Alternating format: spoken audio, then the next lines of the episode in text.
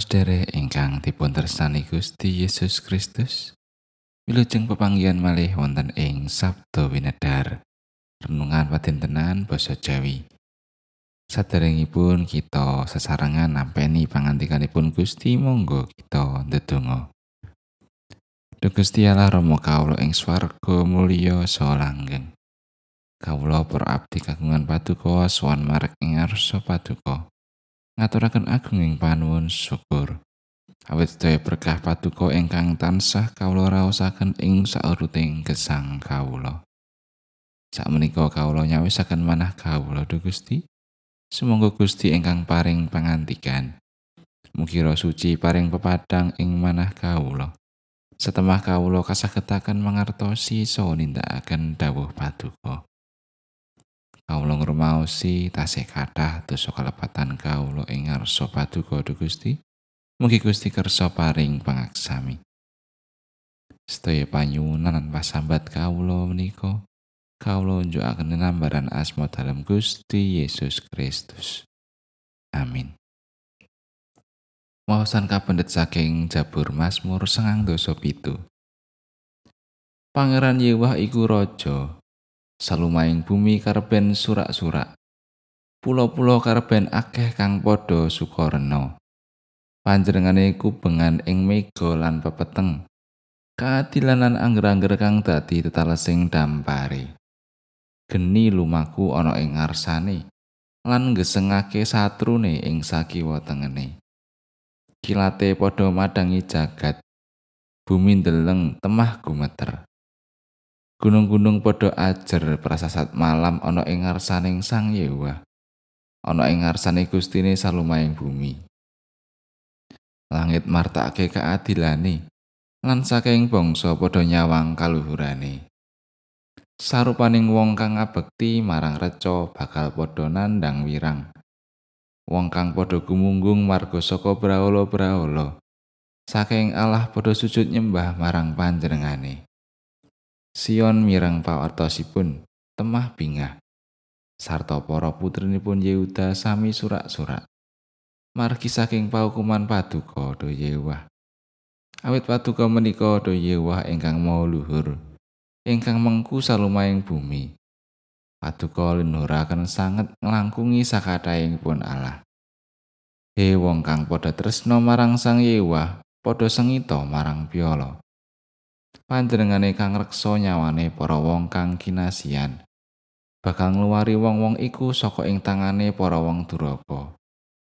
Pepadang wis sumunar tumrap para wong mursid lan kabungan tumrap para wong kang burus atine. He para wong mursid padha bungah-bungah marga saka pangeran Yewa lan ngrepekno kidung pamuji syukur kagem asmane kang suci Mengkaten pangandikanipun Gusti ayat na saking ayat dosa A. He wong kang padha tresno marang Sang Yewa, padha sengito marang piolo. Limrahipun lare anem ingkang nembe kasmaran menika badhe sasaget-saget mudidaya nyembadani menapa ingkang dipun pengini dening kanca ingkang damel piyambakipun kesengsem. Nyuwun dipun kancani nggih dipun kancani. Nyuwun dipun traktir nggih dipun traktir.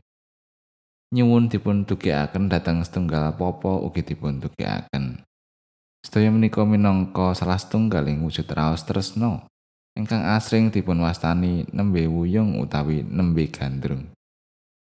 Tentu menika katindakaken kanthi pangajab supados mangke menawi sampun kadhaupaken raos tresno ingkang purun mudidaya nyembadani panyuwunan menika tetep lestari ing sauruting gesang bebrayan.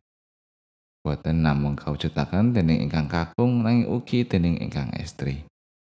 Juru Mazmur ing waosan dinten menika ngosik manahipun umat supados sami mujudaken katresnanipun dumateng Gusti Allah kanthi nindakaken menapa ingkang dipun kersakaken dening panjenenganipun. Menawi Gusti Allah ndawi umat supados nebi piolo mekaten kedahipun ingkang dipun tindakaken. Kanthi tumindak mekaten, katresnanipun umat dhateng Gusti Allah menika boten lelamisan. Nanging saestu kawujudaken kanthi tumindak lan pocapan ing gesang pedintenan. Sarta boten karana kapeksa. nanging saestu mijil saking telenging manahipun. Nresnani Gusti Allah menika boten namung kawujudaken ing salebeting pangibadah utawi kegiatan rohani kemawon. Ananging ugi kan tumindak jujur lan adil ing gesang sak padintenan. Pamujinipun juru Mazmur ngemutaken kita minangka tiyang pitados. Menapa kita saestu sampun resani Gusti Allah kanthi gumulanging manah, gumulanging nyawa, lan gumulanging budi kita? Menapa kita sampun mujudaken katresnan dhateng Gusti Allah kanthi pangibadah kita? Menapa kita sampun mujudaken katresnan dhateng Gusti Allah lumantar lampah gesang padintenan kanthi nebi piyala sarta njejegaken keadilan? Amin.